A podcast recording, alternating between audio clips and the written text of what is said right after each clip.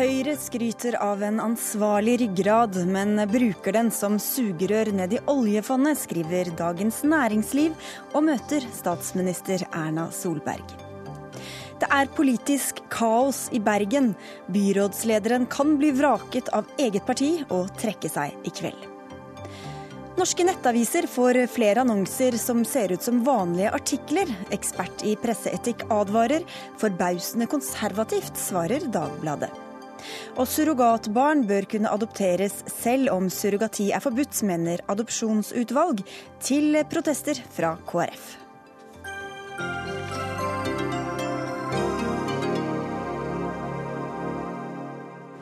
Dette er Dagsnytt 18 i NRK P2 og NRK2, hvor vi også skal til Liberia senere i sendinga. Jeg heter Sigrid Solund.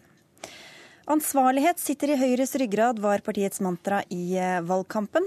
Overraskelsen med den ryggraden er at den kan brukes som sugerør i oljefondet, skrev Dagens Næringsliv på kommentatorplass, noe som genererte en debatt på nettstedet Twitter med statsminister Erna Solberg.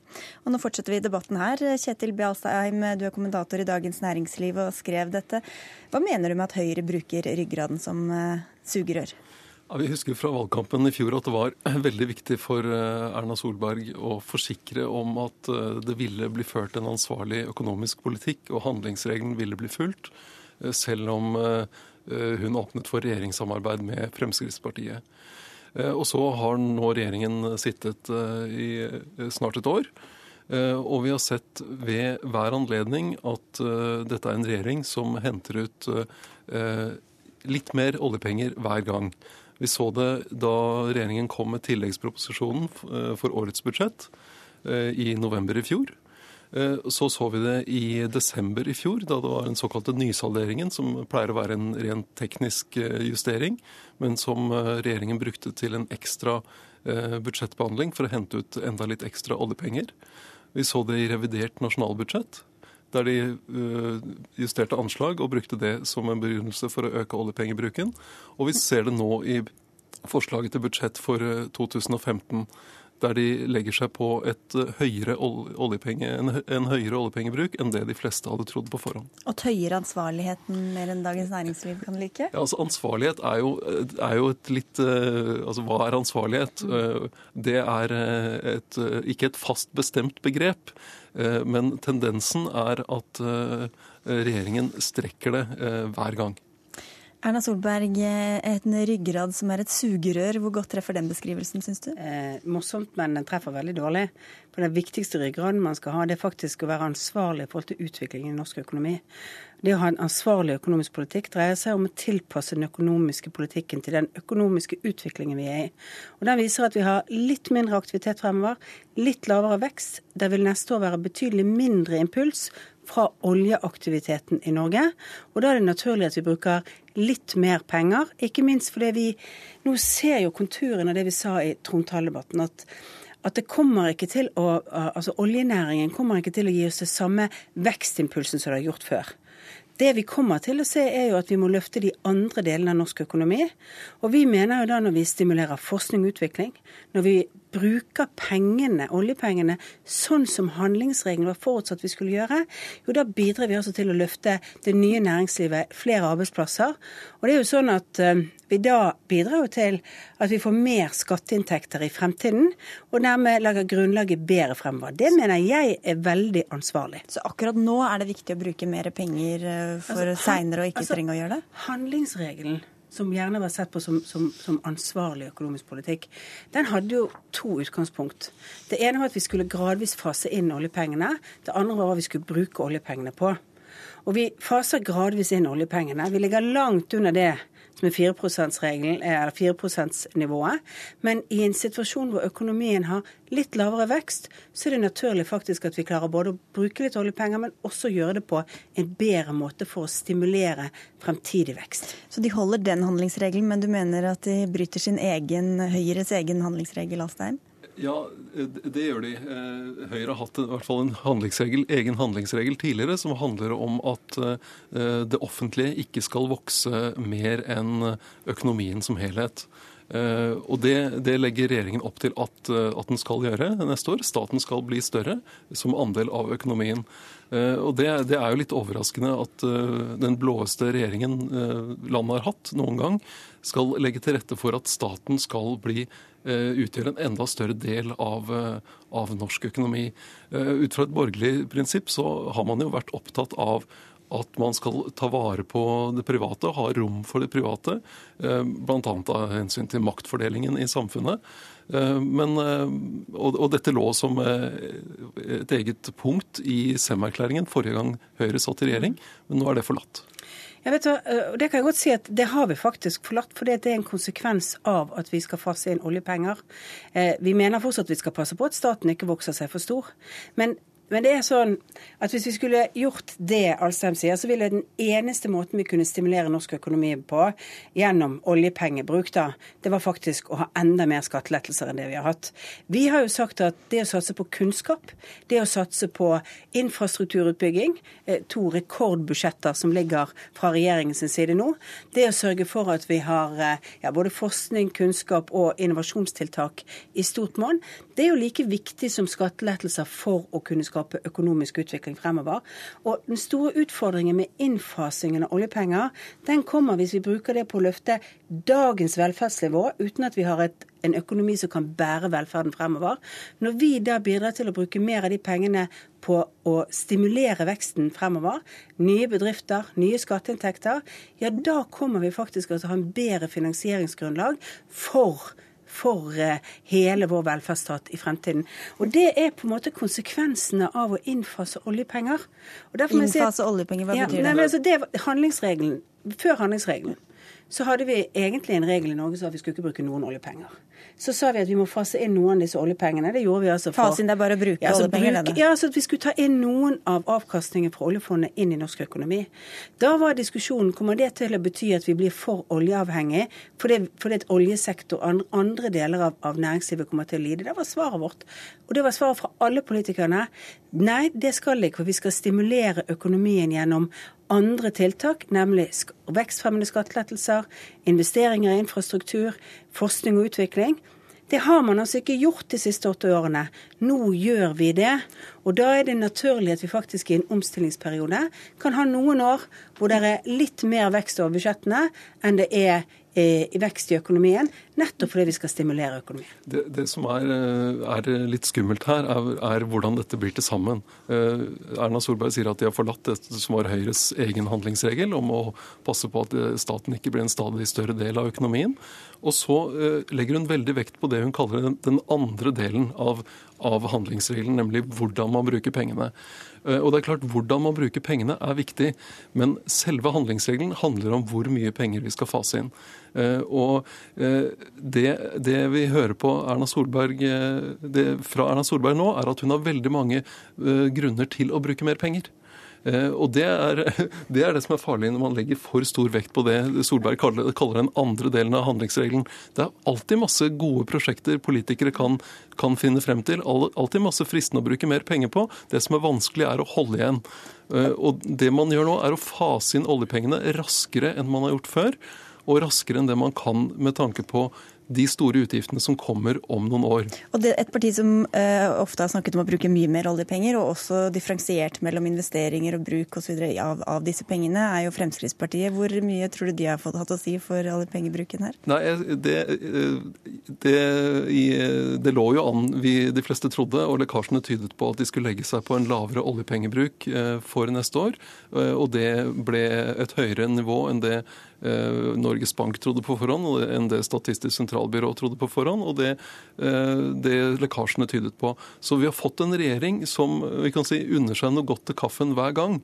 Og det, det er en, eh, en farlig trend. Du har fått en regjering som tar ansvar for fremtiden, som sørger for at det blir bedrifter i Norge i fremtiden som ikke tror at oljeavhengighetsspørsmålet Det er en av de tingene jeg reagerte på i artikkelen til Alstheim. Han tror at oljeavhengighet innenfor norsk økonomi dreier seg om oljepengebruk. Nei, dette var en annen artikkel. Men olje, men olje, leser alt du skriver, Alstein. Men jeg gjør det, vet du. Følger med. Oljeavhengighet dreier seg om hvor stor andel av vår økonomi oljenæringen faktisk har. Der er jo signalet veldig tydelig. Det kommer til å bli en mindre andel så lenge vi har vekst i årene fremover. Det vi gjør er å stimulere veksten med det budsjettet vi har lagt frem. Og det er ikke sånn at dette er en annen del av handlingsregelen. Dette, dette er begrunnelsen for hvorfor vi kunne innføre handlingsregelen til de formålene jeg sier. Hvis vi bare skulle fase pengene inn og ikke bruke pengene på disse vekstfremmende tiltakene, så hadde det vært ekstremt skadelig for norsk økonomi. Derfor er det vi vrir tilbake igjen til disse forholdene. Men både, F, både KrF og Venstre mener jo at dere bruker for mye. Hvor mye hadde du brukt hvis ikke du hadde delt regjeringskontoret med Fremskrittspartiet? At vi har lagt frem dette budsjettet eh, som det budsjettet vi mener er riktig. Og de såkalte lekkasjene, må jeg bare si, de kjenner ikke jeg meg igjen i i det hele tatt. Eh, det er sånn at Mars-konferansen legger rammene for den store totale biten. Og så er det detaljene som settes fast i forbindelse med behandlingen vår i august. Men jeg mener jo at det er veldig forsvarlig det vi har gjort, og det er forsvarlig for fremtiden. For vi kan altså spare oss til fant i dette landet hvis vi ikke bruker pengene våre på de riktigste områdene som bidrar til vekst i fremtiden. Og det er på en måte hvis vi ikke tar inn over oss at vi er på vei inn i et omstillingssamfunn. Men det vi ikke må gjøre, er å bruke penger på den delen av økonomien som gjør at vi bare får varige nye utgifter. Derfor er det jeg opptatt av både vekst, infrastruktur Vi må slippe det ja, men altså, jeg, jeg å gjenta dette mange ganger, for dette kommer vi til å gjøre i mange budsjetter fremover. Fordi at norsk økonomi skal både bli grønnere og norsk økonomi skal bli mer bærekraftig og solid for fremtidige generasjoner. Men er det en litt annen Erna Solberg du hører i posisjon enn det du har hørt i opposisjon tidligere? Ja, jeg syns hun eh, har tilpasset seg Fremskrittspartiet. Det er klart det er viktig hvordan du bruker pengene, eh, men det, det er en stor pott der, og da handler det om å prioritere innenfor den. Eh, og innenfor eh, det som er, eh, er rammer som, som, legger et godt grunnlag også for de som skal lage budsjetter etter Erna Solberg. Mm. Men, og hun, Problemet hennes er at hun sier, hun sier, at dette er vekstfremmende tiltak, og det kan godt tenkes at det er. Men, men hun kan ikke ta ut den gevinsten på forhånd, og det er litt, det er litt ristig. Men de, de, Din avis har snakket med mange økonomer, og det er ikke alle som er like bekymra over framtida til norsk økonomi heller? Nei, er, jeg vil si at det er ganske, ganske mange som er bekymret. Og at uh, dette kommer litt an på perspektivet. fordi du, uh, Det å se på ett enkelt tall for ett enkelt år uh, Budsjettet er jo veldig stort. Norsk økonomi er veldig stor. Eller, ja, det er i hvert fall små summer vi snakker om her. Spørsmålet er hvilken tendens vi ser. Og den tendensen er at dette er en regjering som strekker ansvarligheten litt. Dette er en regjering som både omprioriterer og får mye kjeft nå fordi vi gjør viktige grep for fremtiden når det gjelder f.eks. arbeidslinjen. Samtidig investerer vi for at vi skal ha bedrifter, inntekter. Og det er jo sånn at i en brøk så er det viktig å passe på både telleren og nevneren. Og hvis vi får nevneren, altså veksten i økonomien, til å vokse, hvis vi sørger for at norsk økonomi vokser fremover, så kan vi også lettere bære de utgiftene vi kommer. Med flere pensjonister, eh, med større utbetalinger på velferdsbudsjettene. Det farligste dagens politikere gjør, det er å la være å investere i fremtiden. Det gjør vi nå for å sørge for at vi kan bære de utgiftene vi ser i fremtiden. Men det er ingen som er imot å investere for fremtiden. Så det spørsmålet er hvordan, hvilke rammer man gjør det innenfor. Ja, men de, altså jeg, Vi mener jo da at dette er under veldig forsvarlige rammer. Og vi kan selvfølgelig kutte stort på de sosiale ytelsene og gjøre tilbakeskritt på mange områder. Det mener denne regjeringen at vi ikke skal gjøre, for det er mange viktige velferdsoppgaver vi skal løse samtidig. Men de store pengene bruker vi på å investere frem, fremover. Vi er nødt til å avslutte der. Takk skal dere ha for at dere fulgte opp i Dagsnytt 18 med Erna Solberg eh, på veien ut. Vi skal straks snakke om Høyre i Bergen, hvor det har vært litt forvirrende tilstander. Hvordan vil du beskrive situasjonen der? Jeg har ikke noen annen beskrivelse enn at i Bergen Høyre så er det nå en helt åpen nominasjonsprosess til neste kommunevalg.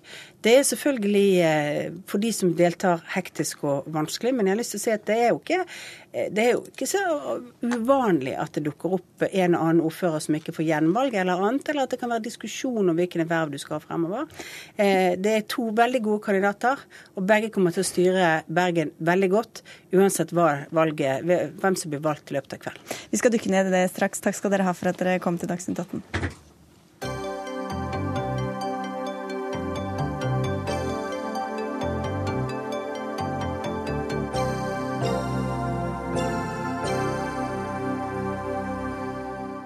For et par hundre meter med bybaneskinner var det som skulle til for å sette Norges nest største by på hodet. Nå varsler Bergens byrådsleder Ragnhild Stolt-Nielsen at hun trekker seg hvis hun ikke blir valgt som listetopp foran kommunevalget neste år. I kveld faller avgjørelsen, og Frøy Gudbrandsen, du er kommentator i Bergens Tidende og har fulgt denne saken tett. Hva er det som har skjedd i Bergen de siste månedene? Det har skjedd veldig mye i Bergen, eh, og i dag har vi jo kommet til eh, kaosfinalen etter mange måneder med kaos. Men det begynte vel altså Bybanen er jo veldig viktig for å forstå dette. Eh, byrådet i Bergen de gikk jo inn for Bybanen langs Bryggen, mens flertallet i Høyres gruppe ville ha den i tunnel. Det var ikke så veldig populært. Ehm, det er jo én ting som har skjedd. Ragnhild Stolt-Nielsen hun tok jo over da Monica Mæland ble statsråd. og hun ble jo også litt offer for en murring som har vært i en periode. Mange i bystyregruppen til Høyre som har følt seg som stemmekveg. Ehm, og mye av dette har jo da fått utløp nå de siste månedene. Magnus Takvam, du er kommentator her i NRK. Erna Solberg mente det ikke var noe spesielt uvanlig med situasjonen i Bergen. Hvordan vil du beskrive den? Selvfølgelig Høyres eh, leders jobb å, å eh, dempe konfliktnivået eller, eller, omtalen av dette. Eh, dette er jo et enestående, en enestående situasjon fordi vi snakker om byregjering, altså byparlamentarisme i, i Bergen. Og eh, det er liksom statsministeren midt i perioden som mot sin vilje eventuelt eh, må gå av. Nå er det riktignok slik dere har vært inne på, at mye av årsaken til denne konflikten er eh, det, den, den, vanskelige overgangen som, som ble da, da Monica Mæland ble statsråd etter valget i fjor høst, og Stolt-Nielsen veldig kjapt måtte overta og har da sittet i ett år i et krisepreget byråd. Men hun har da sagt at hvis hun ikke blir satt øverst på den nominasjonslista, så går hun av. Sånn som det ligger an til nå, så, så, kommer hun til å gjøre det, og det er altså ganske unikt. Eh. Det er klart, det, det vil det være. Og så vil jo være opp til den nye eh, skal vi si, byrådslederen eventuelt å, å styre skuta bedre eh, fram mot valget. Hvis ikke så, så, risikerer de jo et kjempedårlig valg. Dette har jo vært en føljetong, Gudbrandsen. Ordføreren i Bergen, Trude Drevland, har også vært med i Dagsnytt 18 og snakket om dette. Hun mener at det bare er bergensere som lufter meningene sine. Er dette typisk bergensk på noe vis? Altså dette har, det har vært ganske voldsomt. så jeg vet ikke, Det er ikke sånn i min bergenske familie i hvert fall. Så jeg håper ikke det er sånn i de fleste bergenske hjem, for det har vært ganske voldsomt. og De har brukt sterke ord om hverandre, ja, de forskjellige gruppene i, dette kaoset. Du sitter i studio i Bergen eh, sammen med Erik Skutle, du er stortingsrepresentant for Høyre og skal også stemme i kveld. Eh, denne saken har altså vakt voldsomme følelser, hører vi. Vi har også lest om en temperamentsfull middag hjemme hos Erna Solberg, der bl.a hadde du vært til stede. Eh, ellers så flyr det altså beskyldninger og kommentarer eh, i hytt og vær. Hvorfor vekker denne saken så sterke følelser hos dere Høyre-folk i Bergen? Jeg er ikke så sikker på om de følelsene er så, så veldig sterke. Eh, hvis man skal endre på noe i Bergen, uansett om det er en bybane eller lokalisering av Brann stadion eller hva det måtte være, så blir det mye støy rundt det. Det vet alle som har vært i Bergen og alle som leser bergenske aviser. Eh, men det vi faktisk eh, skal gjøre i dag i Bergen Høyre, det er å velge første- og andreplassen på bystyrelisten, altså kommunestyrelisten til, til neste år. Det måtte vi gjøre uansett. Det er helt naturlig at man gjør på et tidspunkt. Eh, det, og det er selvfølgelig heller ikke alltid naturlig at en sittende ordfører, eller i et tilfelle byrådsleder, får gjenvalg, selv om vedkommende ønsker det. Man så jo f.eks. i Fjell kommune i går, der var det en ordfører som sitter som ikke får gjenvalg. Det har skjedd i Kristiansand, og det har skjedd på nasjonalt nivå i Storbritannia. Men da sier hun altså at hun eh, tolker det som mistillit, eller at hun går av hvis hun ikke blir stilt eh, øverst på den lista. Hva syns du om det, da? Eh, nei, det, det, må jo være opp til, til, henne. Nå skal ikke jeg spå hva som skjer på, på, på møtet i dag. Jeg trodde jo at Brann skulle bli seriemester før, før, sesongen startet, så det får andre ta seg av. Um, så hva som skjer, er, er helt åpent. Det var ikke det jeg spurte om heller, da. Nei, jeg, det, det får hun gjøre sine, sine, vurderinger rundt det. Jeg vil ikke, vil ikke kommentere men, det. Men du, du syns ikke at det har vært så dramatisk, av det som har skjedd i Bergen, eller? Altså, det er jo bare å se på La oss ta oppslutningen til partiet som, som ett eksempel. Eh, ved valget eh, i 2011 så fikk Høyre 35 et eh, historisk godt resultat. Eh, snittmålingene som Bergens Tidende har hatt de siste par månedene, viser at Høyre får 34 Eh, som er fortsatt en kanonmåling. Og det, er, det skriker jo ikke akkurat kaos, spør du meg. Men i mellomtiden har Høyre vært oppe på godt I, i, i fjor og året før lå Høyre på over 40% i veldig lang tid, og nå har jo Høyre faktisk falt eh, 7 prosentpoeng hvis du sammenligner med årene før. Og Det har nok mange forklaringer, bl.a. at Høyre kom inn i, i, i, regjering. Men det er klart, dette er jo veldig spennende før neste valg, hvordan, hva som skjer nå. Og kanskje har, er dette her slutten, at man nå faller til ro. men men uansett hvem som blir valgt, så er det litt uklart. Eh, fordi eh, Ragnhild Stolt-Nielsen, hvis hun vinner i kveld, så er det mange i partiet som ikke er særlig fornøyd. Og så kanskje Hun får jo et bredere mandat bak seg hvis hun skulle bli valgt i kveld. Hvis Martin Smith-Sivertsen eh, vinner, så mm, altså, Han er en dyktig person som har en politisk eh, karriere bak seg, men det er eh, godt over ti år siden sist.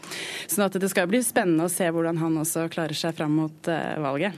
Magnus Takvam, hva tror du dette kan få si både for Bergen Høyre, altså lokalt, og også Høyre sentralt?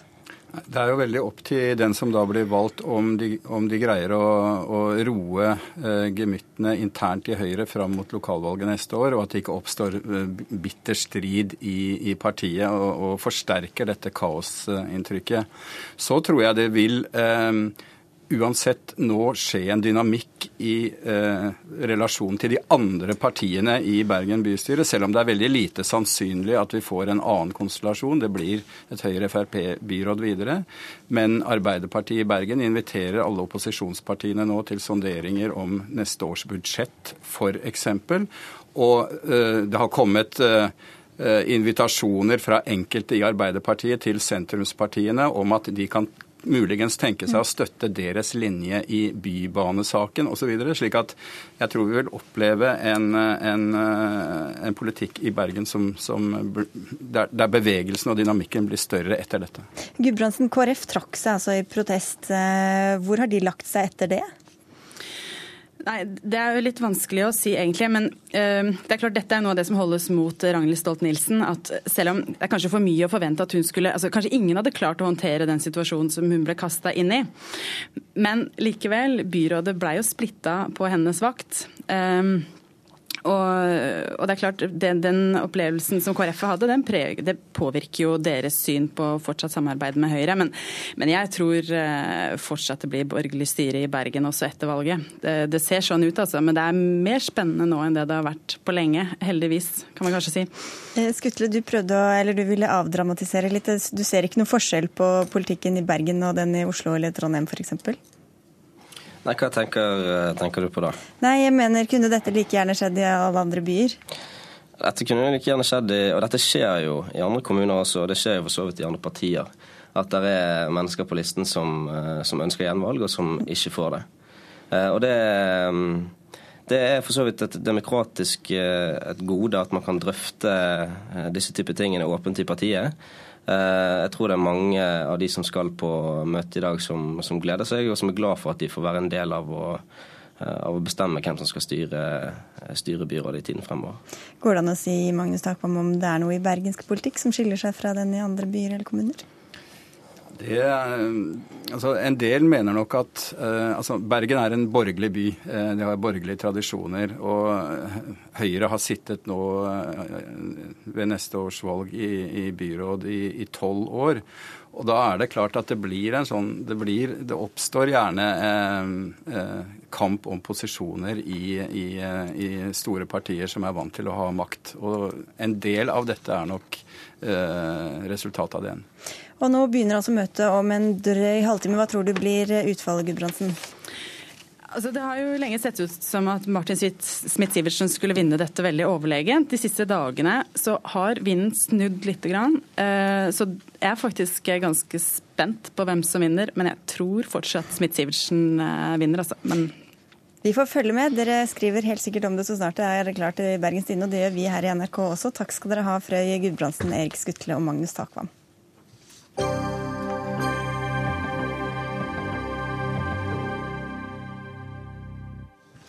Snart her i Dagsnytt 18 spør vi om det bør være lov å adoptere barn som er unnfanget ved hjelp av surrogati. Men før det til oppfølgingen av en debatt som trofaste lyttere og seere kan huske fra gårsdagens sending. For regjeringa foreslår å innføre skolepenger for studenter fra land utenfor EU og EØS. Forslaget har fått kritikk fra store deler av Student-Norge, men det finnes også dem som mener betalingskravet bør utvides til også å gjelde norske studenter. For dette skriver du på Minervanett, redaksjonssjef Mariette Christoffersen Bø, og hvorfor mener du dette? Ja, først av alt så er jeg veldig Jeg syns det er veldig bra at regjeringen nå eh, ønsker å gå inn for skolepenger for utenlandske studenter. Og jeg håper, som jeg har skrevet, at i neste omgang at eh, norske studenter også må betale litt for eh, utdanningen sin.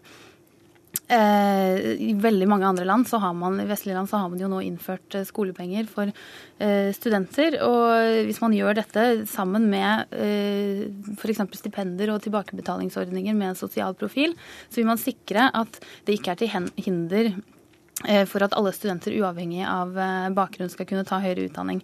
Eh, Hvor mye første, penger kan vi snakke om da? Ja, nei, det, det, er jo et regnestykke som jeg ikke kan ta. Men, men det er jo, jeg vil jo tro at dette er innsparinger, det er snakk om innsparinger i milliardklassen.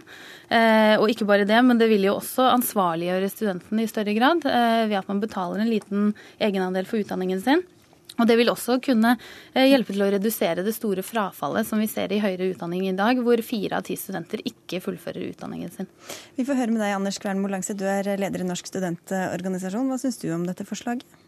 Det viser jo nettopp den dominoeffekten som vi i NSO har varsla. Dagen etter at forslaget om skolepenger for internasjonale studenter kom, så er vi nærmere på banen og foreslår skolepenger for alle norske studenter. Det viser at veien er veldig kort hvis vi går i den retninga. Men det er feil som det blir påstått her, at Norge er det eneste landet i verden som har gratis høyere utdanning. Eh, innenfor EØS-området så har Tyskland det, Frankrike, Tsjekkia, Norge, Estland, Island og Finland. Ser vi utenfor EØS-området så har Algerie det, Barbados, Bhutan, Argentina, Cuba, Ecuador, Egypt, Fiji, Iran. Tyrkia, India, Brasil og Russland for å, for å runde av. Så det er feil at det er kun Norge som har som hva, hva tror du det kan føre til da, hvis man skal betale en egenandel? Det fører jo nettopp til at det ikke er de flinke som burde tatt høyere utdanning og søkt seg inn, som får det, men det blir de som kan betale seg inn. Og Vi virker å være enige om at det er de kloke hodene som skal drive Norge videre. Og Jeg har stor respekt for tenketanker som Minerva, men de burde komme på noe bedre enn å foreslå å la pappa betale for utdanninga til studentene. Eh, ja, nå er det jo ikke snakk om at det bare er pappagutter som skal få lov til å ta høyere utdanning. Tvert om. Eh, hvis vi ser på det andre land har gjort, eh, så kobler de skolepenger sammen med ordninger med en klar sosial profil. Hvis vi ser på Storbritannia f.eks., der har de innført skolepenger for britiske studenter sammen med en tilbakebetalingsordning på studielånet eh, som er behovsprøvd. Dvs. Si at alle har lik mulighet til å uh, komme inn på et uh, universitet og, og, og får dekket skolepengene gjennom et lån, men man betaler kun tilbake i sin helhet dersom du har en inntekt over et visst nivå. Men du må ta opp lån for å, for å, betale skolepenger i tillegg til å leve og sånn som man ellers tar opp lån til i dag? Ja, men da. dette er jo ikke snakk om at studentene skal betale på forhånd skolepengene. Dette er snakk om at staten garanterer for et lån, sånn som vi har i Norge gjennom eh, Lånekasseordningen. Eh, og så betaler man kun tilbake dersom man har mulighet til det. Eh, så det er jo ikke snakk om at eh, dette vil bare være for eh, rike studenter. Faktisk i Storbritannia hadde kritikere, eh, de som var kritiske til denne ordningen, de sa jo nettopp det som NSO her nå sier, at det vil føre til utdanning for de rike. Men det vi ser i Storbritannia, siden denne ordningen har kommet, er at studenter med bakgrunn fra, fra lavinntektsfamilier har faktisk gått opp med 53% etter at denne ordningen kom. De organene som tilsvarer Lånekassen i Storbritannia, er skakkjørt økonomisk nettopp pga. de låneordningene som, som, blir nevnt på sida mi her. Og det at vi har gratis sykehus i Norge, det betyr ikke at vi mener at alle skal bruke dem, men det betyr at du skal ha muligheten til det. Og det her går nettopp på bekostning av den muligheten som studentene har. Nei, som som ungdom har i Norge til å ta høyere utdanning. Og forslaget tar oss 150 år tilbake i tid. Da var det sånn at hvis faren din var snekker, så blei du snekker.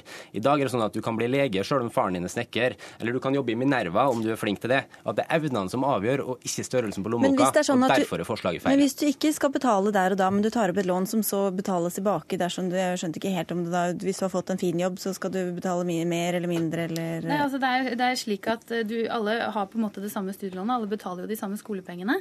Eh, men hvis du skal betale tilbake i din helhet, så må du tjene over et visst nivå. Det vil si at studenter som etter endt mm. utdanning eh, fortsatt er i lavlønnsyrker eller eh, blir i lavlønnsyrker, de trenger ikke å betale tilbake. Så du skal subsidiere de som tar en utdanning som ingen vil betale for? Nei, man subsidierer studenter som sånn som NSO her ønsker, som ikke har midler fra familien f.eks., som eh, kan dekke dette. Vi har et progressivt skattesystem i Norge, så det er positivt om studentene kommer ut etter høyere utdanning eh, og tjener godt med penger, for da er de med å finansiere velferdsordningene for resten av samfunnet. Så det er utelukkende positivt om de tjener godt etter at de har tatt utdanning i dag, for det kommer alle til gode. Norge har rundt 30% med høyere utdanning. EU har et mål om 40% Vi får ikke flere som tar høyere utdanning ved å gjøre det vanskeligere å starte fordi at du må betale det inn istedenfor å søke det inn og komme inn på bakgrunn av kvalifikasjoner, ikke størrelsen på lommeboka. Men hva tror du det kan gjøre med motivasjonen og innsatsen til studentene, da, dersom de vet at dette koster meg litt mer enn eh, bare å ha råd til å enn jeg kan jobbe for ved siden av, f.eks.? Det finnes ingen forskning i dag som viser at kvaliteten blir bedre om du må betale for å gå der. Det eneste det gjør, er å begrense tilgangen til utdanning.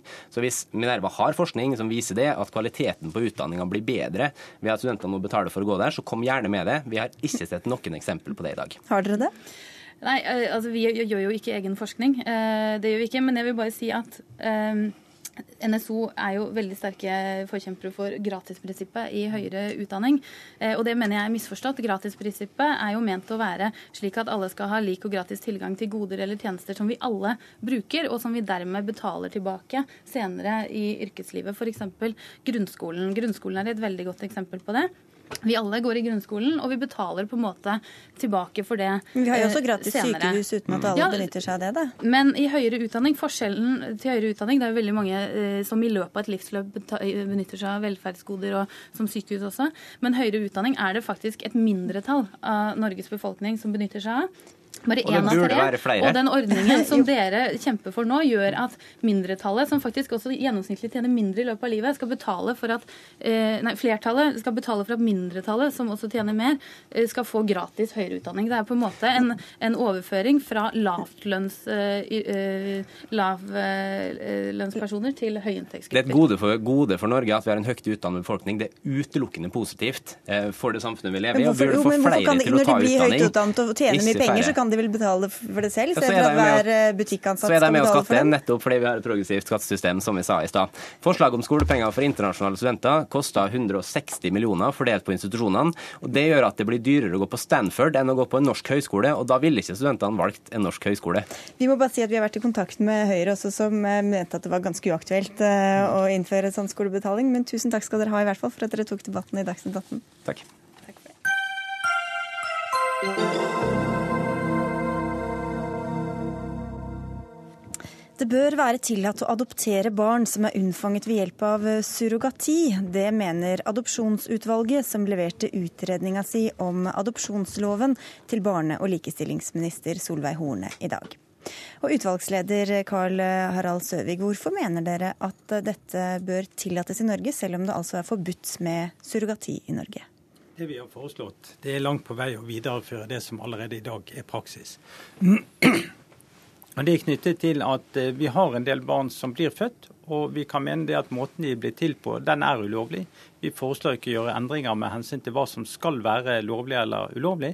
Men det vi foreslår er at vi må håndtere den situasjonen som har oppstått med barn som er født, og som ikke har bedt om å bli født, men som er kommet til verden. Og vi har et ansvar for å gi de barna forsvarlige oppvekstvilkår. Oss, eh, gi oss, et eksempel på hvordan dette da fungerer med et par som f.eks. har vært i USA og fått et homofilt par for eksempel, som har fått et barn gjennom en surrogatmor. Ja, etter forslaget, og Dette forslaget er nøytralt. Det vil både gjelde heterofile og homofile par. Så et heterofilt par som kommer til Norge, hvor en av partene i forholdet har eh, typisk da har gitt eh, sæd, og som da er rettslig far til dette barnet, så vil den andre partneren kunne stebarnsadoptere barnet etter at de kom til Norge.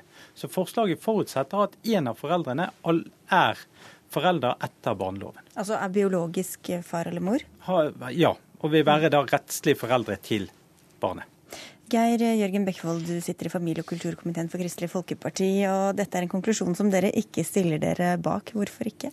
Altså nå vil Jeg først si at jeg har ikke fått lest denne NOU-en altså den ble lagt fram i dag, så jeg må ta forbehold om at det kan være ting her som, som jeg har misforstått. Men eh, dersom det er slik at utvalget eh, mener den midlertidige loven eh, som Stortinget vedtok, jeg tror det var våren 2012, eh, skal gjøres permanent, så er jeg skeptisk til det.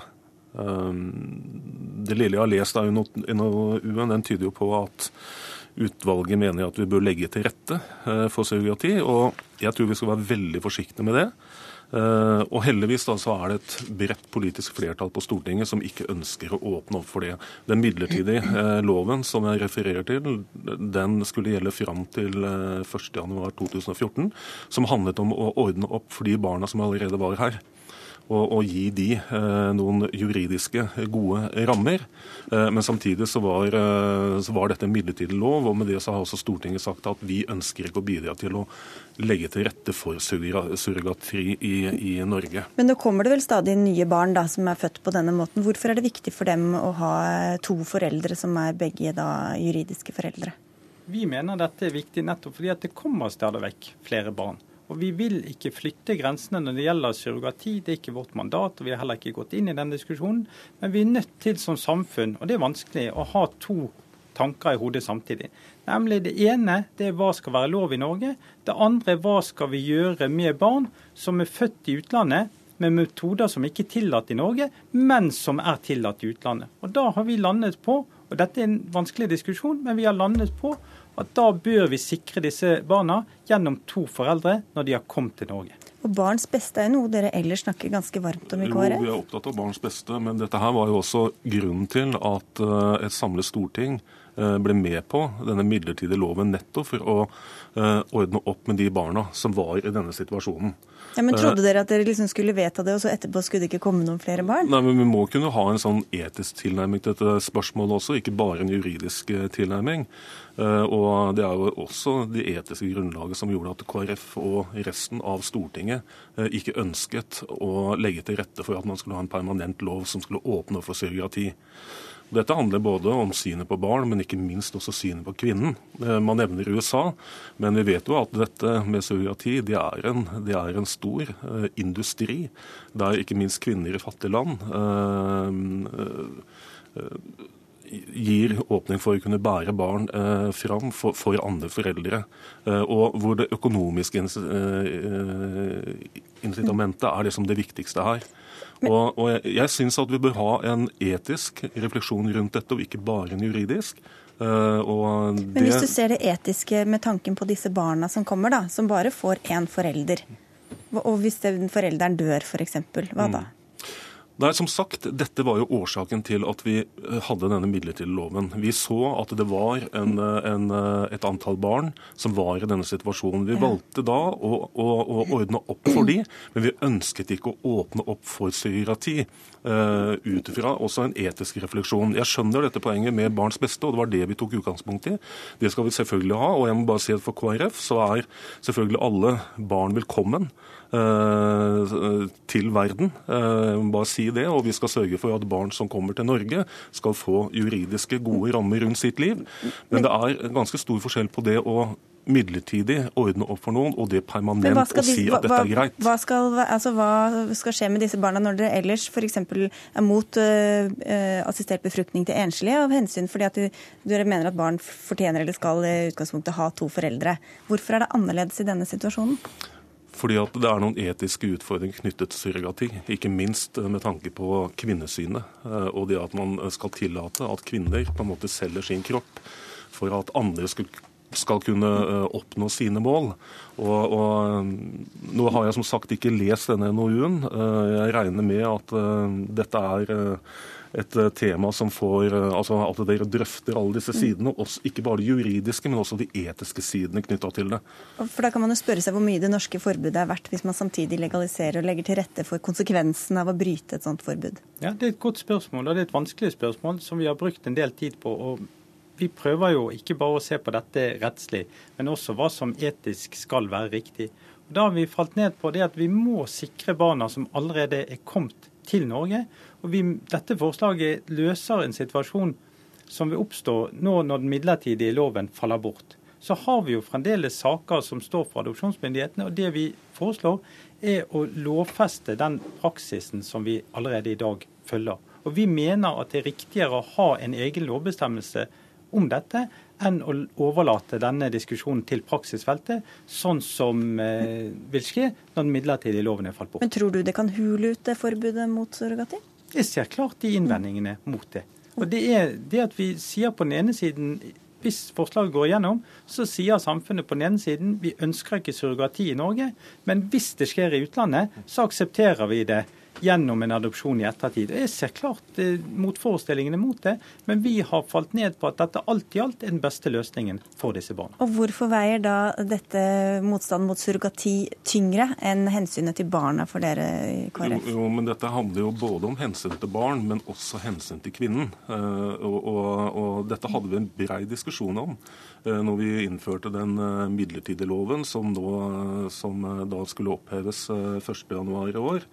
Og alle disse innvendingene kjenner vi jo til. Det som gjør at jeg senker skuldrene litt i forhold til dette, det er det breie politiske flertallet eh, som lå bak den innstillingen som ble vedtatt i, i våren 2012, eh, hvor, hvor, hvor, vi ordnet opp for de barna det gjaldt. Jeg lurer på om det var en 55 barn.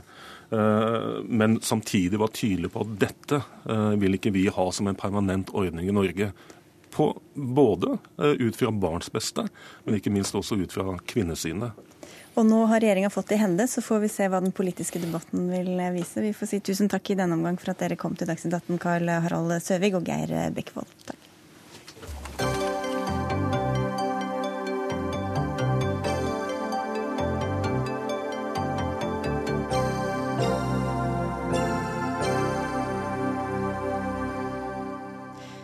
Innen slutten av uka kommer 9000 mennesker til å være smittet av ebola. Det melder Verdens helseorganisasjon.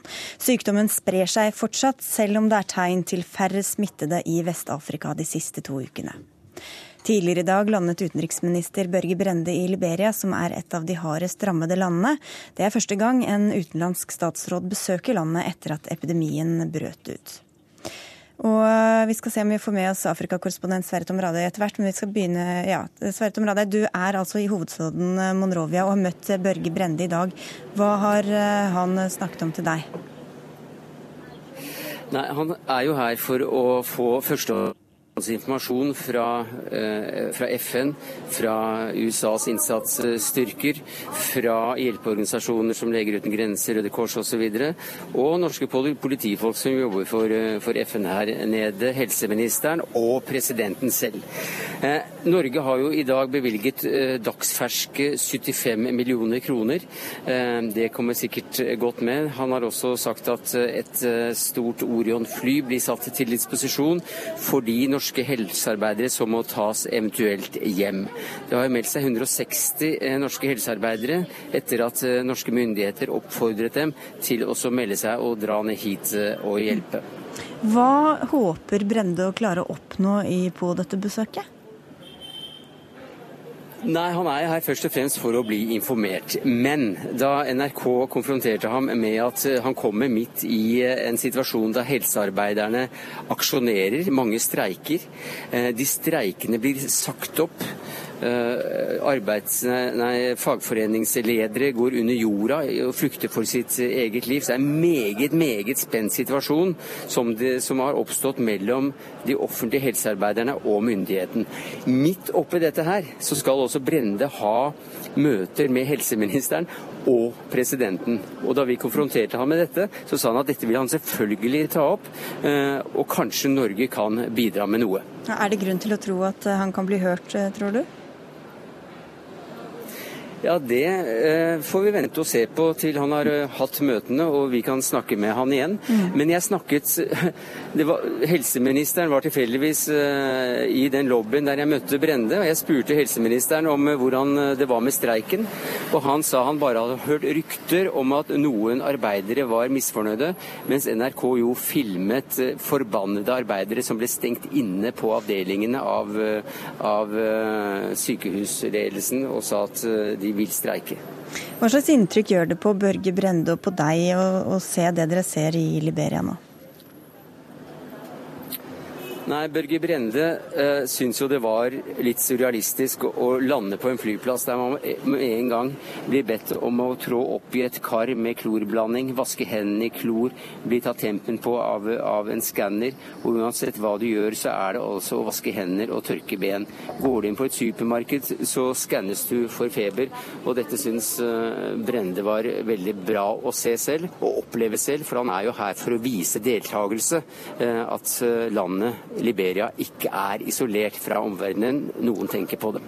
Men Hva slags tro har folk i Liberia selv på at denne epidemien kan stanses?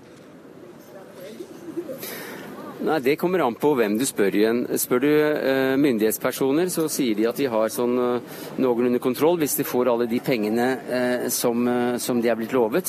Til nå er det jo bare kommet inn 25% av de pengene det internasjonale samfunnet har lovet til dette arbeidet. Men spør du folk på gata, så får du ulike oppfatninger. Noen bare rister på hodet og sier at de isolerer seg helt, mens eh, andre ikke tror at ebola er en sykdom, men noe myndighetene har plassert som et rykte for å tjene penger også på dem. Du følger med på Børge Brennes besøksområde. Takk skal du ha for at du var med i Dagsnytt 18. Vi skal til deg, professor eh, ved Universitetet i eh, Oslo, Sissel eh, Roalkvam. Du er ekspert på global helse. Og FN mener at ebolaepidemien truer fred og sikkerhet i verden. På hvilken måte kan en sånn epidemi som den vi ser nå, bli en global trussel? Eh, på den ene side så kommer jo denne beskjeden fra de globale lederne om at det er en trussel, for å minne oss på at vi sitter på mange måter i den samme båten, og den sårbarheten vi har i en global verden. Altså Det er ikke bare mennesker som går over landegrenser, det gjør også virus med smittsomme sykdommer. På den annen side så er det ikke uten grunn at uh, smittsomme sykdommer havner på Sikkerhetsrådets bord. Det gjorde det i 2000, 2000 med hiv-aids, og det har igjen vært nå i forhold til denne ebola-krisen. Og Det handler jo om at det er få ting vi er så engstelige for som denne usynlige trusselen som eh, disse smittsomme virusene utgjør med høy dødelighet. Altså, det er veldig vanskelig for oss å forholde oss til den. Og jeg tror alle de steder vi har sett hvor dette skjer, og Sverre Tom Radøy sier jo noe om det, hvordan liksom konfliktene blomstrer opp når vi ikke klarer å håndtere det tidlig, bare innad i land. Mellom helsearbeider, mellom myndigheter, mellom innad i familier. Altså det, det gror. Og det blir òg en slags mistillit til slutt også mellom land og lands ulike evne til å håndtere krisen.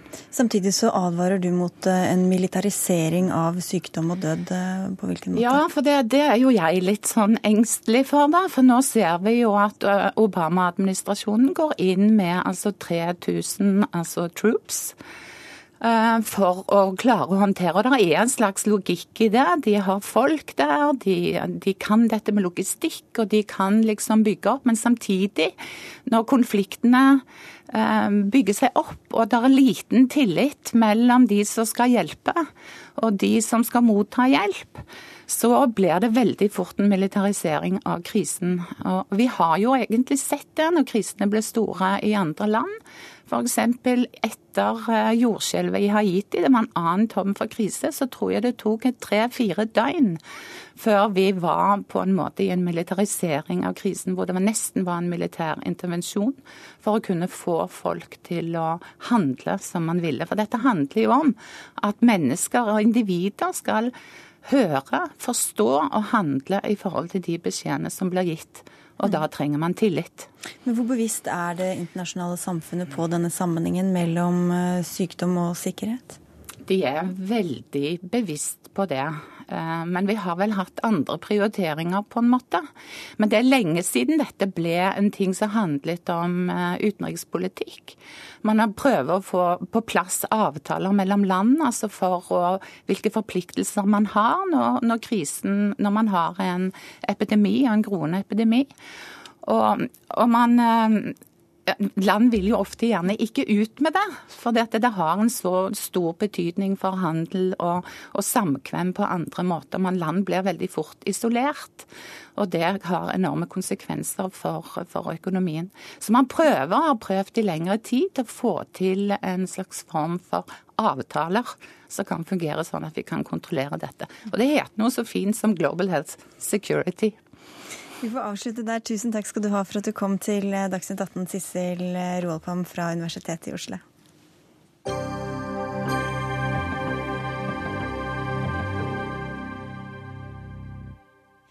Mange mediehus sliter med fallende salg både av annonser og aviser. For noen blir løsninga å se til sponset medieinnhold, saker som ligner journalistiske artikler, men som er betalt av annonsører.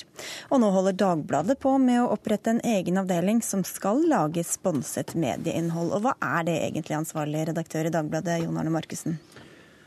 Um, sponset um, innhold vil si at eh, det er innhold som annonsører finansierer og presenterer. Eh, det er tydelig merket som det det er, reklame. Mer mystisk er det egentlig ikke. Men det skal ligne på en vanlig artikkel f.eks., eller det kan gjøre det? Ja, det som, det som, jo, altså Dette er jo en konstant problemstilling i bransjen. Dette er ikke noe nytt. Men det er klart at i den senere tid, med den teknologiske utvikling, så har jo også reklamekjøpere fått nye muligheter digitalt på nettet. Og man ser etter nye måter å presentere reklame på. Og dette går da inn i den trenden. Og nå oppretter dere altså en egen avdeling. Hva skal den gjøre? Den egne avdelingen skal gjøre det som uh, norske aviser har gjort uh, til alle tider. Å rådgi uh, annonsører om annonser. Med andre ord, det er et faglig miljø som, eh, som, vi stiller til rådighet. For... Altså Som, som også kan utforme annonsene for, på vegne av annonsørene? Ja, det, det, er, det, er, kreativ utforming og, og løsninger. Gunnar Bodal Johansen, du er presseetikkekspert og en av dem som ikke er fullt så positiv til dette. Hva er det du frykter? Nei, Uansett om man selger journalistikk til et kommersielt formål, eller fremstiller journalistikk som markedsføring, så mener jeg det svekker den journalistiske troverdigheten og for også den redaksjonelle integriteten.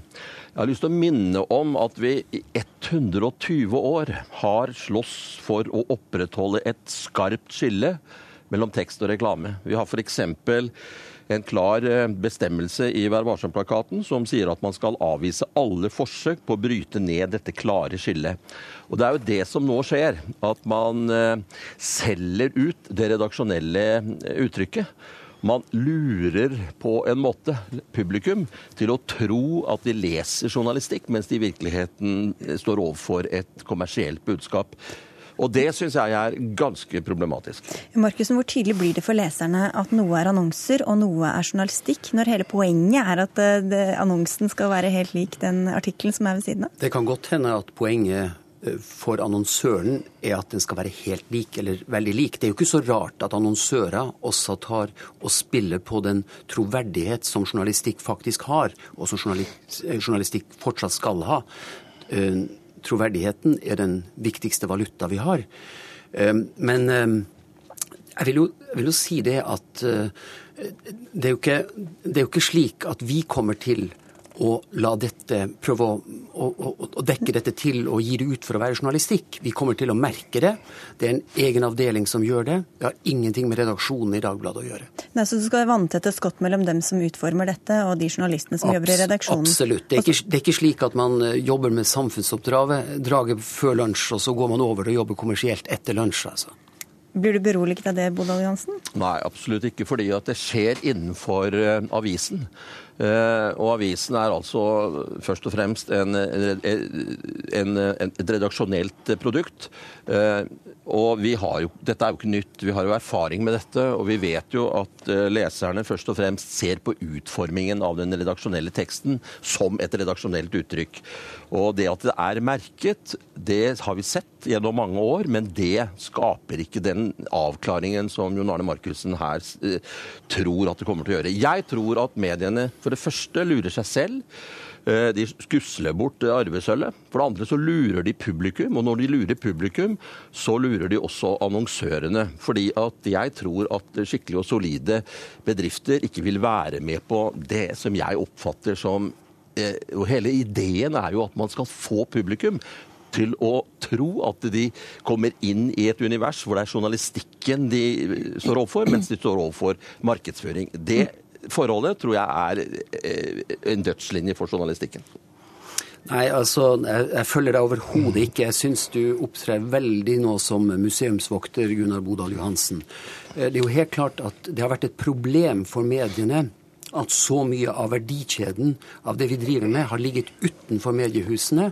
Vi har bl.a. fått mediebyråer som ligger som meglere mellom oss og annonsører. Det vi gjør, er nå i en, også i en veldig presset økonomisk situasjon som hele bransjen er, det må vi forholde oss til, så vil vi ta mer kontroll over verdikjeden. Det er ikke så rart at vi bruke vår kompetanse til faktisk å utforme eh, annonsene sammen med kundene, og så merke det. Men kan man, altså den merkingen, det er vel litt av, eh, eller Kritikken er vel at den merkingen er så liten at man nesten ikke ser det.